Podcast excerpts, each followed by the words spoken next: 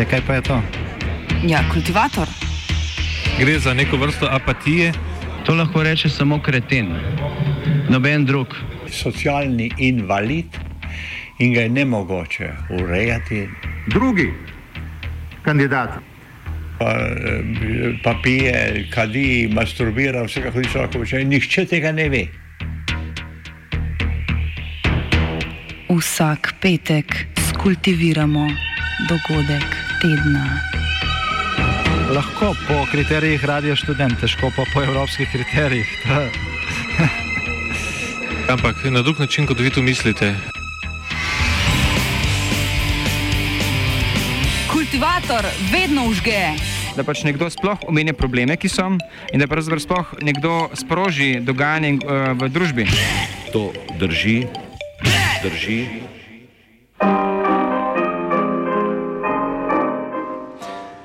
Lučka Kajfeš Bogataj, klimatologinja, vodja Centra za agrometeorologijo, redna profesorica na Biotehnički fakulteti Univerze v Ljubljani. Mojca Dolinar, vodja sektorja za analize podnebja in vodnega kroga v Agenciji Republike Slovenije za okolje. Andrej Gnezda, vodja projektov v Slovenski fundaciji za trajnostni razvoj Umanotera.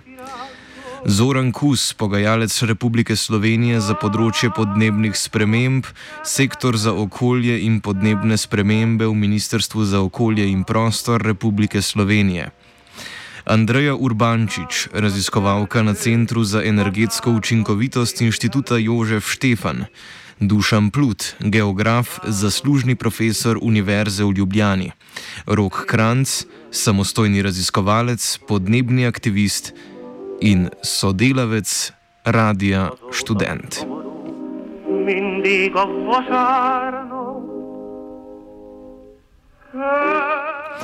Sedmerica, ki je sestavljala posvetovalni odbor za podnebno politiko pri predsedniku republike Borutu Pahorju, je podala odstop.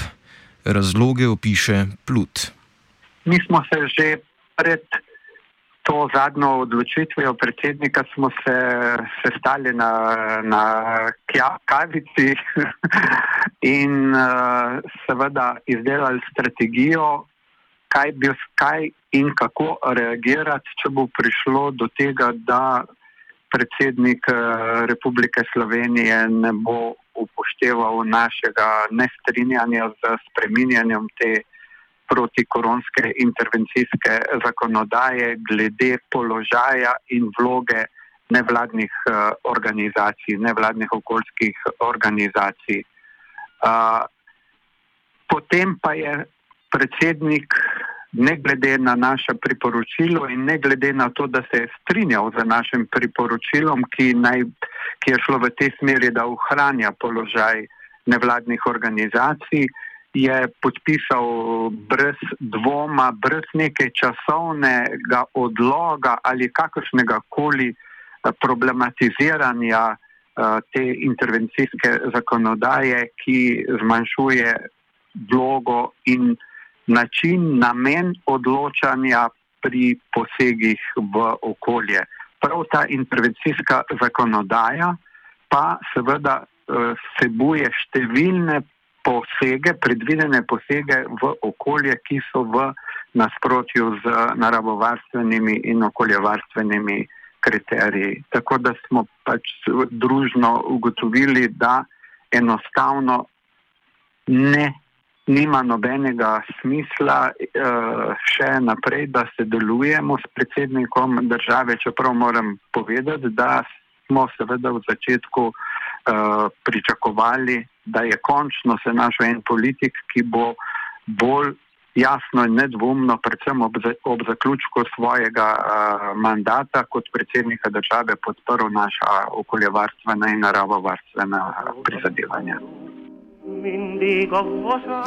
Strokovnjaki so upali na reinkarnacijo Janeza Drnovška, ki je svoj drugi in zadnji mandat kot predsednik republike namenil boju za boljši svet s kar nekaj hvalevrednimi akcijami.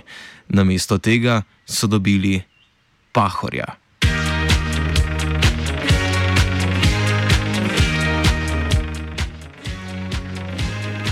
Danes je svetovni dan okolja. In uh, rad bi se odzval na kritike mojih dosedanjih članic in članov stalnega posvetovalnega odbora za podnebno politiko, glede moje neodzivnosti glede teh vprašanj. Prav zato je bil ta odbor ustanovljen. Jaz sem dal pobudo za njega. In moram se zahvaliti uglednim strokovnjakom in strokovnjakem, da so moje vabilo sprejeli. V tem času je bilo ogromno narejenega. Imeli smo dva posveta, izdanih je bilo šest priporočil. Tudi to peto priporočilo o tem, da mora državna politika zelo previdno, če sploh omejevati vlogo okoljevarstvenih organizacij eh, pri njihovi vlogi varovanja okolja. Eh, še več. S tem pozivom smo šli na posebno tiskovno konferenco. Vse to je bilo narejeno zato, da bi počasi zagnali en stroj premišljanja in odločanja, ki bo v naslednjih letih tako pomembno odločal o prihodnosti in Slovenije in Evropske unije. V bistvu smo z delom šele začeli. Kolikor sem dosedanjim članicam in članom izredno, iskreno hvaležen za njihovo delo, vem, da ga je treba nadaljevati. Iskali bomo tiste ljudi, ki so pripravljeni dati svoje znanje, eh, strokovno in drugo. Tudi svoj aktivizem, tudi to srčnost in uh, uh, pogum, da bomo premikali meje. Počasi, a ustrajno jih bomo. Uh, absolutno sem predan temu, da se posvečamo okolju in zlasti podnebni politiki. Uh, to mi lahko verjamete. Gremo naprej in vsi tisti, ki ste glede tega pripravljeni sodelovati z mano, ste dobrodošli. Borut Pahor je s svojim delovanjem odpihnil še tisto nekaj malega, kar je pripadalo funkciji predsednika republike. Namesto ukvarjanja s protikoronskimi paketi in zdravstveno krizo, je Pahor raje svoj čas posvečal snemanju videov, v katerih je pošiljal dobre želje vsem narodom Evropske unije. Za njega je bil vides vedno pred vsebino. Ali je Plut res verjel, da bo tokrat kaj drugače? Če sem čisto iskren, seveda sem spremljal njegovo politično delovanje in vem, da se je kar pogosto odločil tako, kot ni bila, bom rekel, moja osebna politična ali kakšna koli druga odločitev, vendar se, je, se mi je zdelo tudi osebno pomembno, da je pač njegova pobuda bila prva pobuda od vodilnih politikov, da bi se resno začeli Slovenijo ukvarjati za podnebno politiko in s določeno skepso, ki se je pa žal kasneje pokazala kot tista, ki se je uresničila, sem sprejel to uh, sodelovanje, ker se mi zdi, da uh, potem, če ne, če bi, če ne bi uh, sprejel tega sodelovanja, bi kazalo na to, da seveda besedno se strinjam z določenimi zadevami, ko je pa potrebno kaj konkretno narediti, tudi za ceno mogoče kakšnega osebnega vrednotnega kompromisa, pa tega nisem pripravljen narediti. Tako da sem poskusil, žal se je ta poskus pokazal kot uh, neumesten. Ne na zadnje smo Pahorja že videli v vodilni državniški funkciji, tisti predsednika vlade. Kako zdaj z osemletno časovno razdaljo na njegov mandat gleda Plut?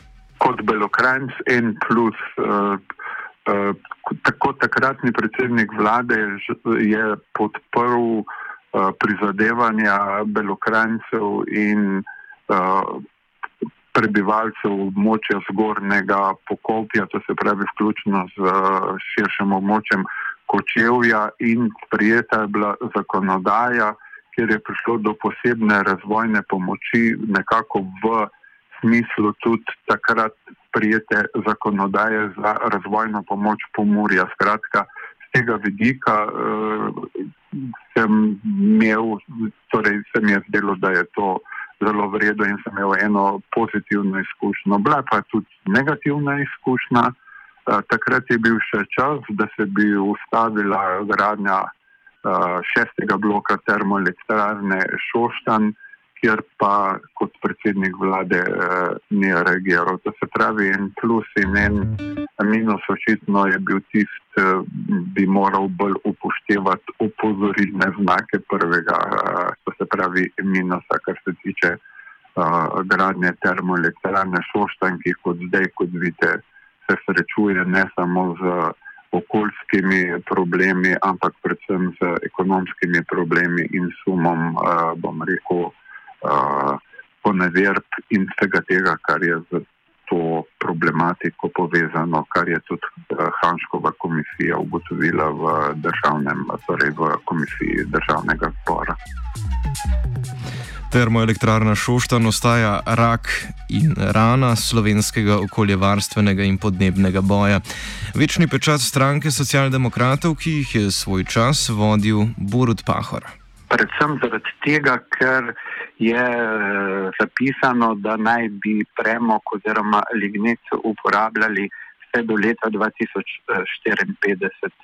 Res je iskreno povedano, da se je, so se emisije uh, CO2 z šestim blokom zmanjšale, glede na to, kar, kako je prej uh, obratovala uh, termoelektrarna Šoštan, vendar je treba na drugi strani počrtati, da je seveda po, zlasti po sprejemu pariškega podnebnega uh, zakona uh, Slovenija dolžna bistveno bolj zmanjšati uh, emisije toplogrednih plinov in brez prečasnega zaprtja termoelektrarne Šoštan teh uh, ciljev ne bo možno uresničiti. Poleg tega se pa zelo bojim, da bo Slovenija zopet med zamudniki, kar se tiče energetskega prehoda. Če pogledamo sosedno Avstrijo, kar se dogaja sosedno, ne sosedno, ampak Nemčijo, ki uh, zapira.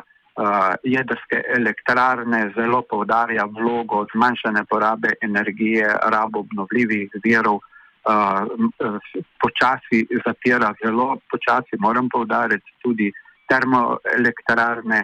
Skratka, Slovenija bo, po mojem mnenju, zamudila prav zaradi tega mlinskega ekološkega kamna in tudi uh, podnebnega kamna, ki ga predstavlja termoelektrarna Šoštan, bo zamudila ta vlak.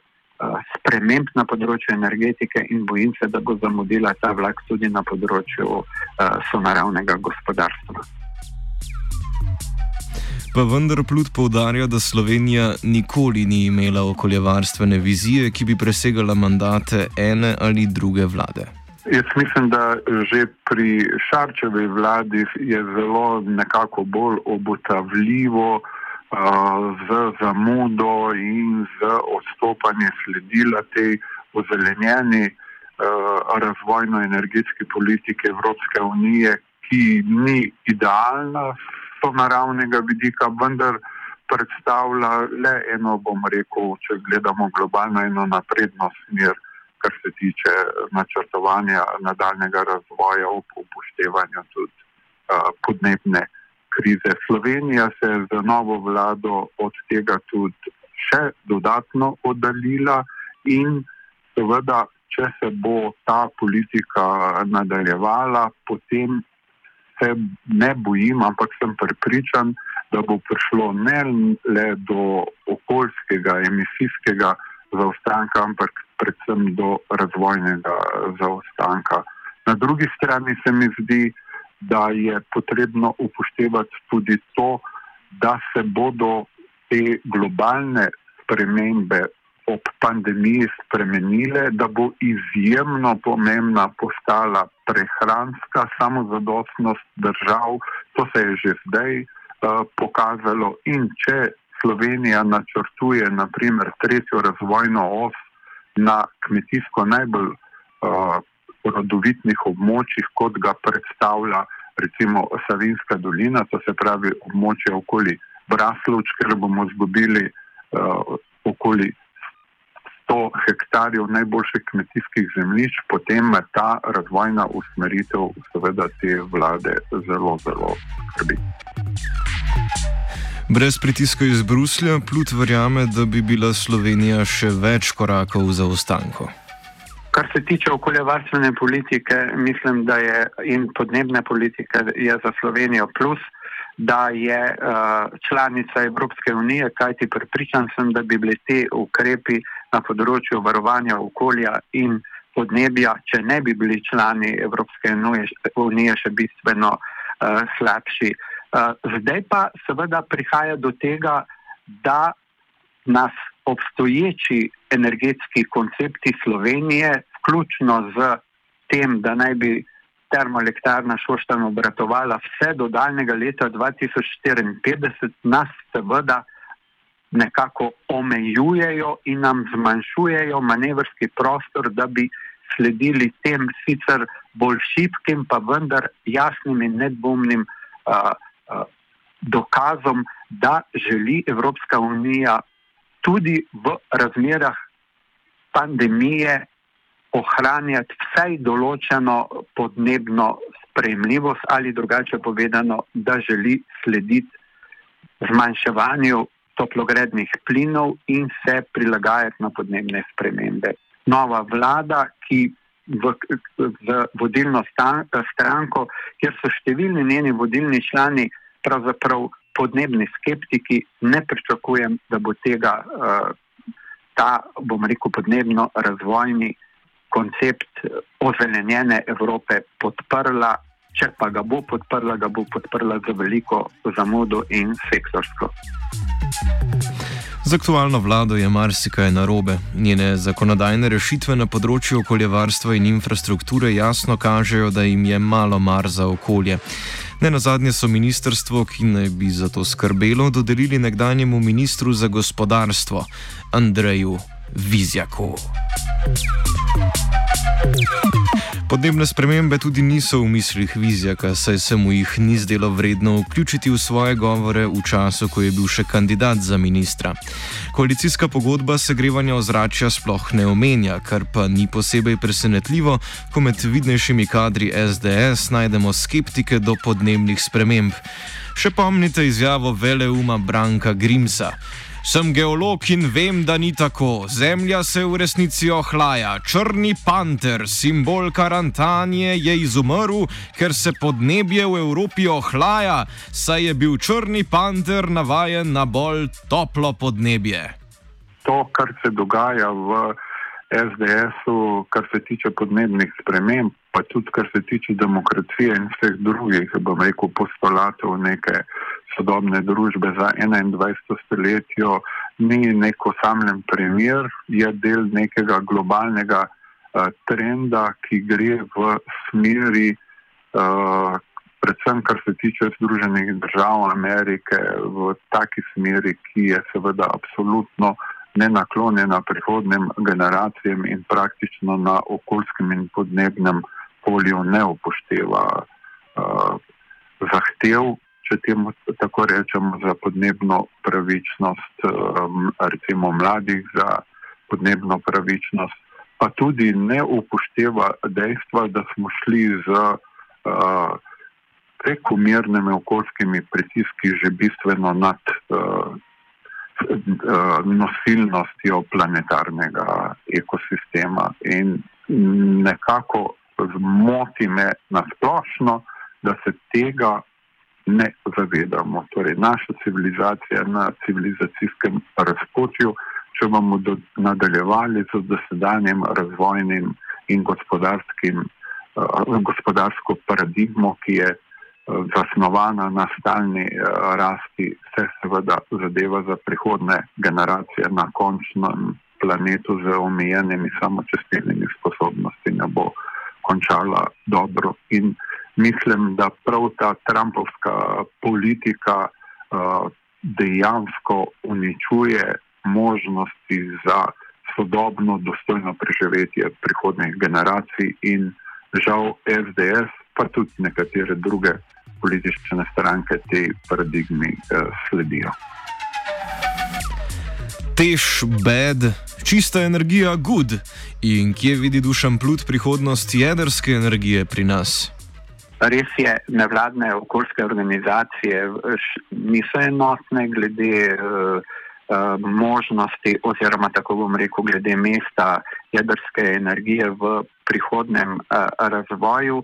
Uh, predvsem zaradi tega, ker seveda jedrska energija na eni strani prinaša zmanjšanje podnebnih pritiskov, na drugi strani pa obremenjuje prihodne generacije za problematiko radioaktivnih odpadkov in na drugi strani, dokler seveda ne, bo, uh, uh, ne bomo zaključili z obratovanjem jedrskih reaktorjev, do takrat ne bomo tudi zaključili z možnostjo proizvodne plutonija v jedrskih reaktorjih, ki so osnova za izdelavo jedrske bombe. Tako da moje osebno prepričanje je eh, naslednje, mi moramo zmanjšati porabo energije in seveda absolutno priti na rabo in to sonaravno rabo številnih potencijalov za okoljske, eh, torej za vire obnovljive energije v Sloveniji in mislim, da je zdaj priložnost, da to naredimo. Eh, Iskreno povedano pa sodim, da seveda ne bo možno hkrati v paketu zapreti termoelektrarne Šoštan in na drugi strani eh, se eh, torej popolnoma odpovedati jedrski energiji, tako da je smislen, če bo seveda presoja na okolje pokazala, da je možno obratovanje jedrske elektrarne Krško podaljšati za 10-20 let, da dobimo ta manevrski prostor za večjo rabo obnovljivih verov energije, ki jih je v Sloveniji veliko na razpolago,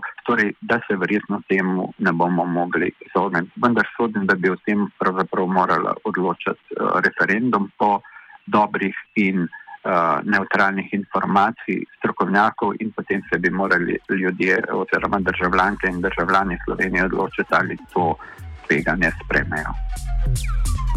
Okoljevrstvo v Sloveniji je s koncem zgodbe o posvetovalnem odboru izgubilo še en, če tudi simboličen organ. V času svojega obstoja je zapisal šest priporočil predsedniku, ki so večinoma ostala preslišana. Veliko resnejše posledice bo utrpelo okolje z efektivno blokado dela okoljevarstvenikov. Tretja os goes vrrrr. Seveda v primeru, da bi vse uh, ustanove v Sloveniji, ki so zadolžene za varovanje okolja in narave, delale v skladu z tem poslanstvom. Uh, žal se to ne dogaja, kajti interesi kapitala so prisotni tudi v, recimo, v, tih, v ministrstvih za okolje in prostor. Kot vidite, minister bi moral biti zdaj seveda glasnik uh, varovanja okolja in narave in se postavlja uh, na stran kapitala, tako da jaz mislim, da je smiselno in potrebno, da nevladne okoljske organizacije ta civilni nadzor uprav, še naprej upravljajo in predvsem mislim, da je njihovo poslanstvo prav v tem obdobju, ko se povečujejo pritiski na okolje in naravo še bolj uh, potrebno. Okoljske nevladne organizacije so svoj, uh, torej svojo smisel za obstoj potrdile z številnimi uh, akcijami. Ni potrebno, da se z vsemi strinjamo, ker so včasih eh, tudi selektivno, lokalno zasnovane, ampak mislim, da je ta uh, državljanska uh, nadzorna funkcija civilne družbe na področju varstva okolja in narave tudi v teh razmerah uh, še kako uh, potrebna. Leto je, a tebi v srcu je hladno, ubila si mene tako mlado. S takšnimi vladarji si lahko obetamo vrnitev črnih panterjev. Samo od leta 1961 do danes se je Slovenija ogrela za 2 stopinji Celzija.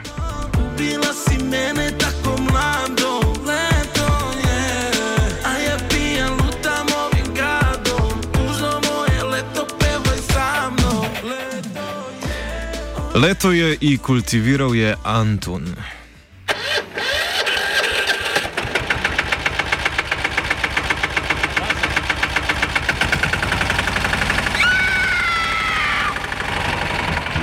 E, kaj pa je to?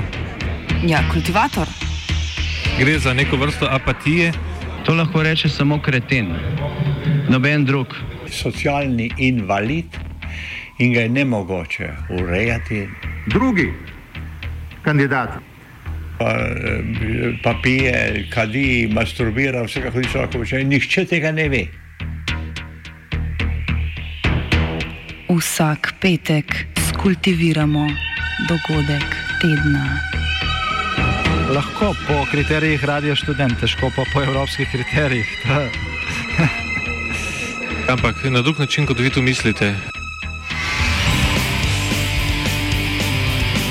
Kultivator vedno užge. Da pač nekdo sploh omenja probleme, ki so, in da pravzaprav sploh nekdo sproži dogajanje uh, v družbi. To drži, drži. Drago ljudstvo, nafte, ni več. Od sedaj naprej se bomo prisesali na zlati kozmični prisesek. Ekskluzivni distributer Radio Student. Slovenija ni v vojni.